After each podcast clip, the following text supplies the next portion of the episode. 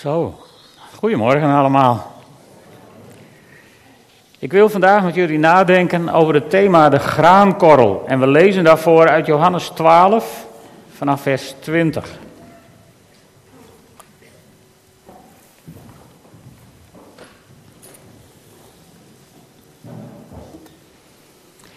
Johannes 12 vanaf vers 20. Er staat, nu was ook een aantal Grieken naar het feest gekomen om God te aanbidden. Ze gingen naar Filippus uit Bethsaida in Galilea en vroegen hem of ze Jezus konden ontmoeten. Filippus ging dat tegen Andreas zeggen en samen gingen ze naar Jezus. Jezus zei, de tijd is gekomen dat de mensenzoon tot majesteit wordt verheven. Waarachtig, ik verzeker u, als een graankorrel niet in de aarde valt en sterft, blijft het één graankorrel, maar wanneer hij sterft, draagt hij veel vrucht. Tot zover. Dit is een, een bijzonder stukje verhaal vlak voor de lijdensgeschiedenis in het verhaal van de intochten in Jeruzalem. Palmpasen. Dus dat is eigenlijk, herdenken we ook dat vandaag. En, en wat je opvalt is, als Jezus wordt geboren, komen er wijzen uit het oosten. En die komen gewoon Jezus aanbidden. Los van wat ze aantreffen. Een kindje in een armoedige situatie, in een huisje en desondanks komen ze Jezus aanbidden. En nu, vlak voor zijn dood, komen er geen wijzen uit het oosten, maar slimmen uit het westen. En die willen eerst zien. Die komen Jezus zien. Eerst maar eens even testen of het wel klopt. Dit moeten we even onthouden, want in wezen horen wij bij die Grieken. Ons hele denksysteem, ons hele systeem is, is ook dit Grieks. Eerst maar eens zien. Ik moet het eerst zeker weten. Ik moet. Soms is het wel eens handiger om gewoon zo'n wijze uit het oosten te zijn. En op je impulsen van God te reageren in plaats van lang te zoeken naar een overtuiging. Misschien niet altijd, maar toch. Goed, wat ging hier aan vooraf, aan dit verhaal? We lezen in Johannes 12, vers 12. De volgende dag was er al een grote menigte in Jeruzalem voor het feest. En toen ze hoorden dat Jezus ook zou komen, haalden ze palmtakken en liepen ze de stad uit, hem tegemoet, terwijl ze riepen: Hosanna! Gezegend hij die komt in de naam van de Heer, de koning van Israël. Jezus zag een ezel staan, ging erop zitten zoals geschreven staat: Vrees niet, Sion, je koning is in aantocht. Hij zit op een ezelsveulen. Bij Johannes is dit een heel kort verhaal. Andere evangelisten voegen daar een aantal elementen aan toe. En die, die wil ik er even bij tussenlassen. En een daarvan is het verwerven van de ezel. In Matthäus 21 staat dit verhaal ook.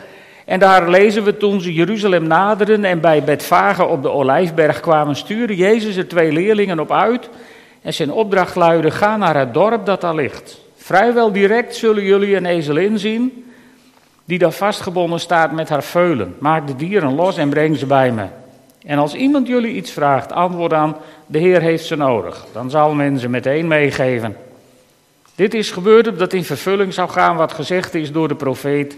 Zeg tegen Sion, kijk, je koning is in aantocht. Hij is zachtmoedig en rijdt op een ezelin, op het veulen, het jong van een lastdier.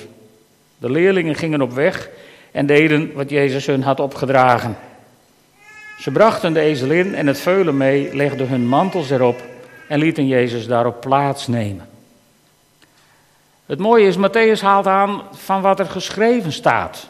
En Johannes haalt dat ook aan. En dat staat geschreven in Zacharia 9, vers 9. Was Zacharias, de profeet in het Oude Testament, al profeteerd. En zegt: Jeruzalem, schreeuw het uit van vreugde. Je koning is in aantocht, bekleed met gerechtigheid en zegen. En nederig komt hij aanrijden op een ezel, op een hengstveulen, het jong van een ezelin. En nou, nou kun je heel groot denken: en waarom herkenden ze dat dan niet? Nou, ik las een heel mooi boek over de, de, de cultuur in die tijd en, en, en de gewoontes in die tijd. En, en, en toen, toen, toen snapte ik ineens van, oké, als wij daar hadden gestaan, hadden wij het ook niet herkend. Want wat Jezus deed was wel heel bijzonder, maar op het moment waarop hij dat deed, ging het een beetje onder in wat er gebeurde. Want wat was namelijk de gewoonte? Ze waren op weg naar Pasen. En heel veel Joodse pelgrims waren ook onderweg naar Jeruzalem. En in Betfage en nog zo'n dorpje op de Olijfberg, vlak buiten Jeruzalem, daar gingen de echt vrome Joden, die gingen daar naartoe om zich te reinigen. Hoe deden ze dat? Nou, dat kunnen jullie straks zien. Dan lieten ze zich onderdompelen in rein water. En dan trokken ze een wit kleed aan. Dan stapten ze op een ezel om hun voeten niet te verontreinigen aan het wereldse deel van Jeruzalem. En dan lieten ze zich op een ezel tot op het tempelplein brengen. Zodat ze rein en wel in de tempel aankwamen. Dus het, het, het was ook niet bijzonder dat er kennelijk overal ezels stonden, want die waren te huur. Het bijzondere was dat Jezus daar twee mensen heen stuurt en zegt: knoop er maar één los. En als mensen zeggen: wat moet dat? Dan zeg je maar: de Heer heeft ze nodig. Heel wonderlijk. Want stel je nou voor, jullie komen straks na het koffiedrinken terug bij je auto. En dan staat daar uh, een van onze oudsten. En die staat daar jouw auto te morrelen. En dan zeg je: wat moet dat? En dan zegt die oudste: nou, de voorganger heeft je auto nodig. Ik denk dat ik de eerste nog moet ontmoeten, die dan zou zeggen, nou oké, ga je gang. Maar dat gebeurde hier, hè. Een ezel was in die tijd een kostbaar bezit. Net als een auto tegenwoordig, zo belangrijk waren ze ook. Dus Jezus die stuurt zijn jongeren erop uit en, en ze krijgen hem zomaar mee. En dan gebeurt er van alles. Dan gaat Jezus op die ezel zitten en, en, en, en bijzonder is, Jezus ging niet op een paard zitten, niet op een strijdros om daar wat te doen, maar hij ging zitten op een ezel. En, en dat was, voor de Joden was dit het beeld van als er een nieuwe koning werd gezalfd, dan kwam hij rijdend op een ezel waar nog nooit iemand op gereden had, kwam hij naar Jeruzalem. En dat is wat Jezus deed. En dat was voor, voor de voor de Galileërs die Jezus volgden. De Galileërs waren over het algemeen de meest opstandigen in het, Jood, in, in het Romeinse Rijk in die tijd. Zeker in die regio. Hè. De Zeloten, de, de vrijheidsstrijders, die kwamen voor het grootste deel allemaal uit Galilea. Dus die Galileërs die hebben gedacht, yes, nu gaat het gebeuren. Nu gaan we Jeruzalem in en dan mappen we de Romeinen eruit en vestigen we een koninkrijk. En zo gingen die al Hosanna roepend en zwaaiend met palmtakken en de weg bereidend voor Jezus, gingen ze Jeruzalem in, vol verwachting die niet uitkwam.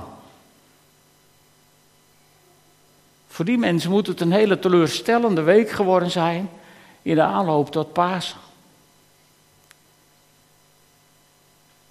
En er waren natuurlijk ook mensen die meegingen en dachten, en nu, nu gaat Jezus de ware godsdienst herstellen. Die waren er ook onder zijn volgelingen.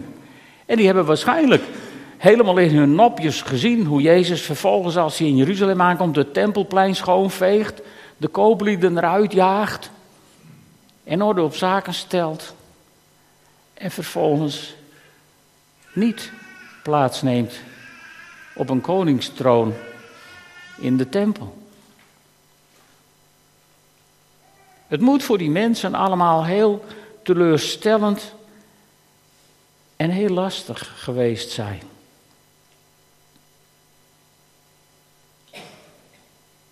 En dat kan in ons leven soms ook zo zijn. Maar als je nu naar dit verhaal kijkt, dan vraag je je af, ja, maar waar ging het nou eigenlijk mis? Matthäus laat dat zien. Matthäus schrijft in, in hoofdstuk 21 vanaf vers 8. Ik lees jullie even dat stukje. Uit de menigte spreiden velen hun mantels op de weg uit. Er was echt een koninklijk eerbetoon. Anderen braken twijgen van de bomen en spreidden die uit op de weg. De talloze mensen die voor hem uitliepen en achter hem aankwamen, liepen ruid, riepen luidkeels: Hosanna voor de zoon van David, gezegend hij die komt in de naam van de Heer. Hosanna in de hemel. Dus ze riepen nogal wat. Hosanna voor de zoon van David. Dit was de messiaanse titel die ze riepen. Maar dan staat er toen hij Jeruzalem binnenging, raakte de hele stad in rep en roer. Wie is die man? wilde men weten. Want er waren heel veel pelgrims van buiten die Jezus nog niet kenden, die hadden hem nog niet gezien. En dan is het wonderlijke dat die mensen die lopen te roepen, Hosanna voor de zoon van David, op die vraag van nee, wie is dit allemaal niet, antwoorden dat is Jezus, de profeet uit Galilea. En daar ging het mis. Kijk, je kunt Jezus Christus beschouwen als een profeet. Dat doen de moslims ook. Je kunt Jezus Christus beschouwen als een groot leraar.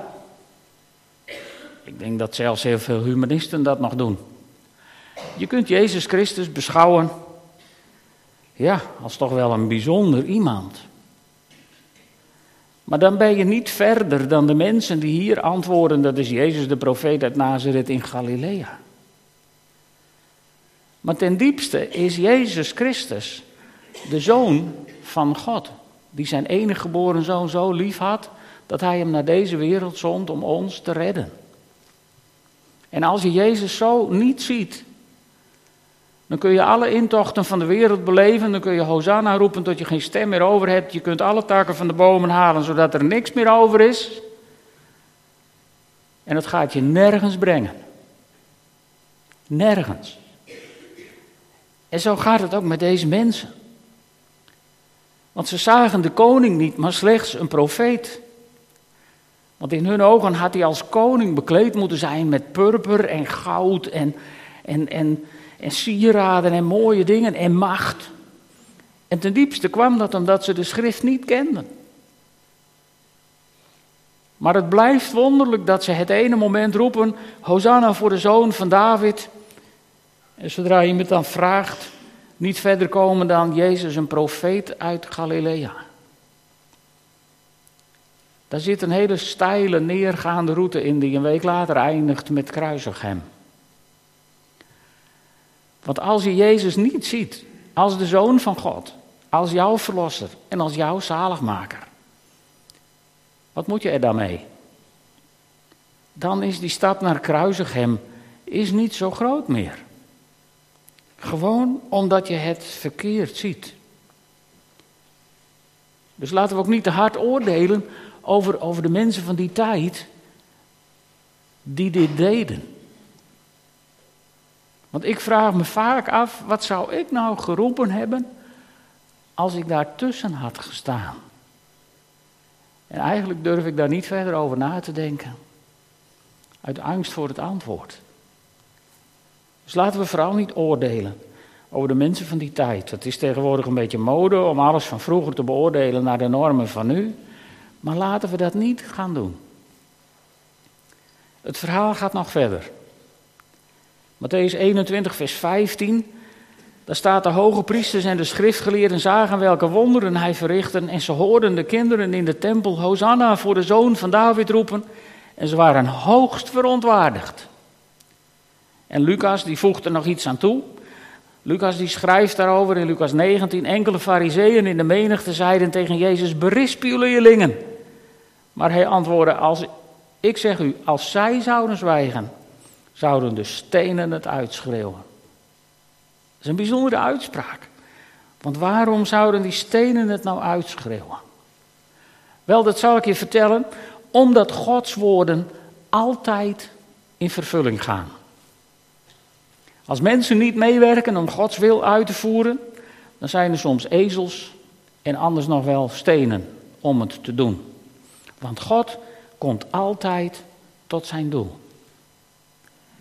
En daarom zou ik je willen vragen vanochtend, rusten er nog onvervulde profetieën misschien op jouw leven?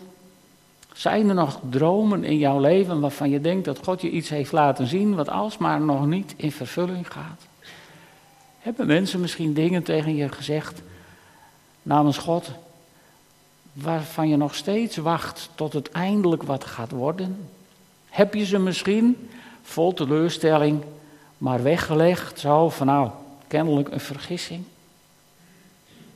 Als er nog zulke dingen in jouw leven zijn, dan wil ik nog een keer tegen je zeggen: Gods woorden gaan altijd in vervulling. Geef de moed niet op. Maar blijf opzien naar God. En misschien voel je je dan af en toe een ezel. Dan ben je in goed gezelschap, want het was een ezel die de Messias bracht naar Jeruzalem. En misschien is je hart zo hard geworden als een steen. Intussen denk je, nou dat is voor God geen probleem. Want als jouw lippen niet meer in staat zijn om God te prijzen, dan zal op een dag de steen op jouw hart te doen. Geloof erin. Voor God is niets onmogelijk, al hoe hard je ook geworden bent en al hoe dom je jezelf misschien af en toe ook voelt. Gods woorden gaan altijd in vervulling. En soms, soms gaat dat ook snel.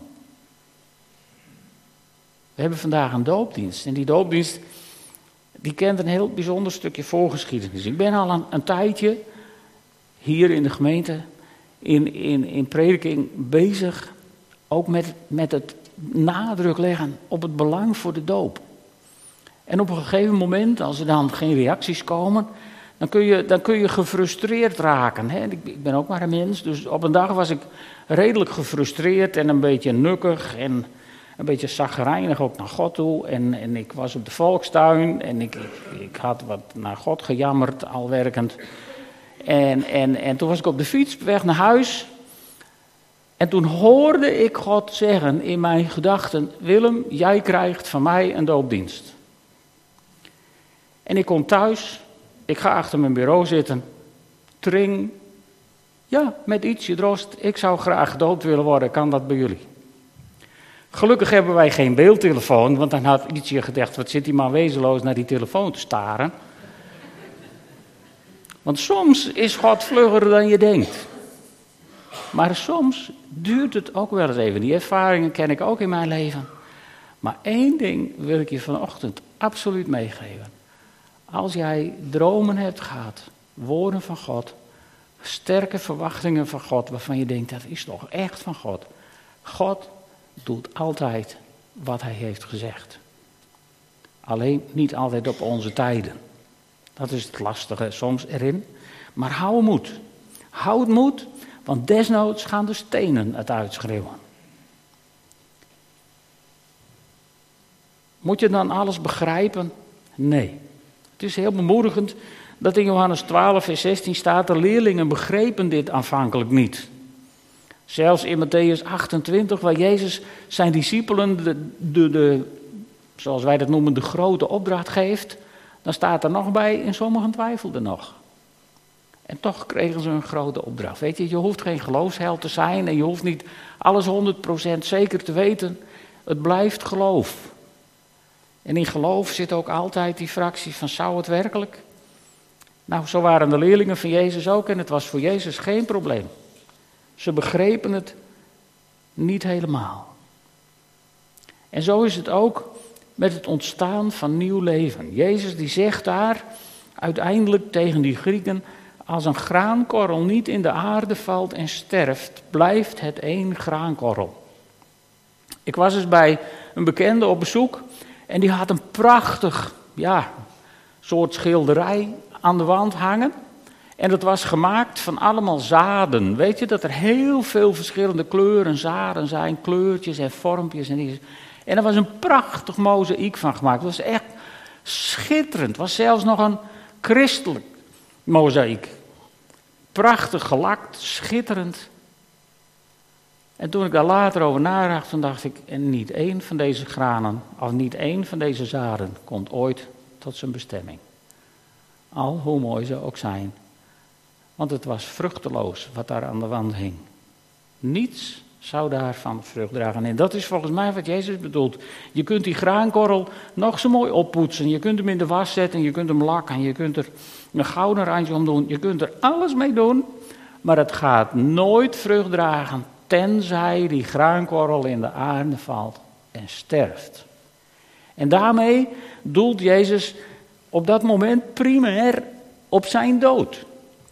Binnen een week zou hij sterven in de aarde worden gelegd. Maar daarna zou er ook vrucht zijn. Want de vrucht van zijn dood is het eeuwige leven voor ons. En, en het mooie is dat, dat we ons ook met een doop daarbij kunnen aansluiten. Toen ik de doopgesprekken had met uh, de dopelingen, toen was er één ding wat, wat me even, even trof. En dat was dat sommigen zeiden van, we hebben het gevoel dat we tegen een plafond aanzitten en niet verder kunnen groeien. En we geloven dat dit de stap is die we moeten zetten. En toen was ik al lang bezig met dit thema over de graankorrel. En toen dacht ik, ja, dat, dat is het.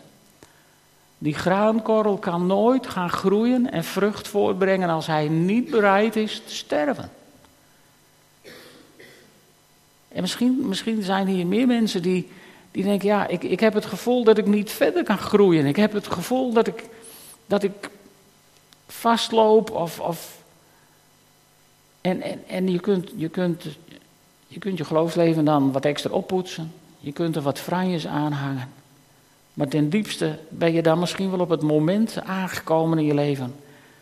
Waarop God tegen je wil zeggen: joh, als je nou bereid zou zijn, symbolisch in de aarde te vallen en te sterven, dan zou het zomaar eens kunnen zijn dat je mijn vrucht gaat voortbrengen.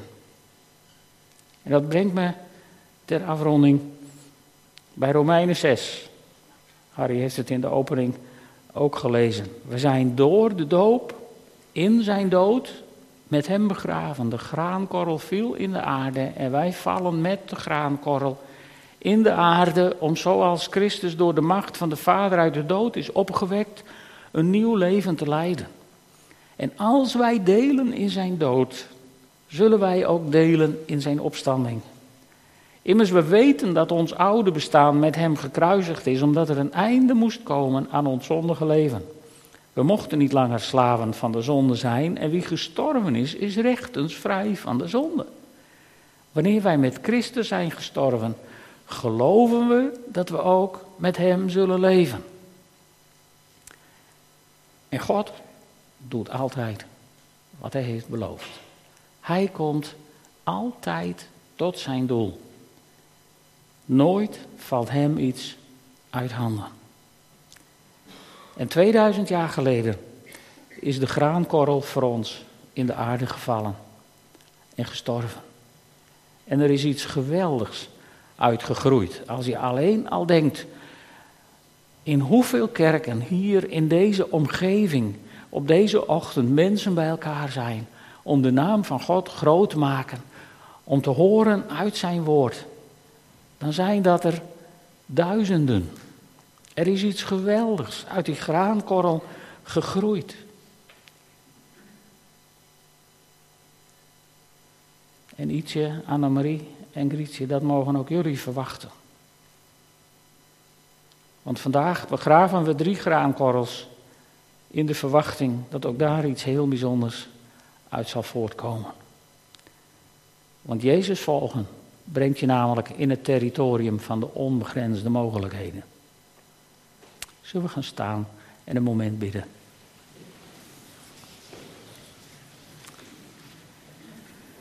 Heere God, dank u wel dat u naar deze wereld kwam.